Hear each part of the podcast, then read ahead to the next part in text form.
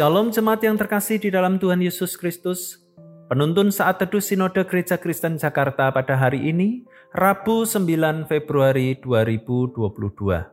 Judul renungan Kehilangan Kemuliaan. Nas renungan terambil dari Roma pasal 3 ayat yang ke-23, karena semua orang telah berbuat dosa dan telah kehilangan kemuliaan Allah. Alex adalah seorang penyanyi yang cukup terkenal dia diundang untuk mengisi tampil dalam sebuah acara. Ketika ia melihat perilaku sebagian hadirin yang tidak tertib dan berbuat onar dalam pertunjukannya, ia sangat marah. Ia memaki-maki mereka dengan kata-kata kasar. Akhirnya ia pun dilaporkan kepada pihak berwajib karena dianggap telah melecehkan orang-orang tersebut.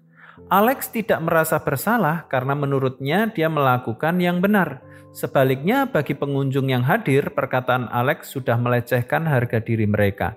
Kisah ini menunjukkan seberapa rapuh dan rentan manusia yang telah jatuh dalam dosa, sehingga dengan mudah terlibat dalam konflik dan merasa dilecehkan demi menjaga harga dirinya.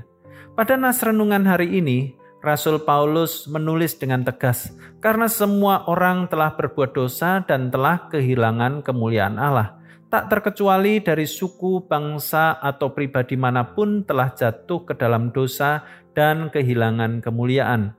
Semua manusia berada dalam kondisi yang sama. Citra Allah dalam diri manusia telah rusak, dan sekaligus kehilangan kemuliaan Allah yang menyelubunginya." Hal ini terjadi karena akibat dari kejatuhan Adam dan Hawa dalam dosa. Manusia mengalami keterpisahan mereka dengan Allah untuk selama-lamanya. Karena itu, manusia begitu mudah untuk marah, penuh kebencian, konflik, melakukan kejahatan, dan berbagai kecemaran yang mengerikan.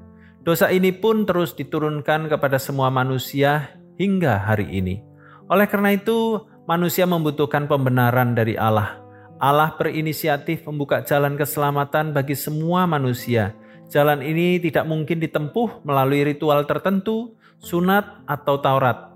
Karena sebaik apa pun manusia, tidak akan dapat memenuhi tuntutan Taurat yang sempurna.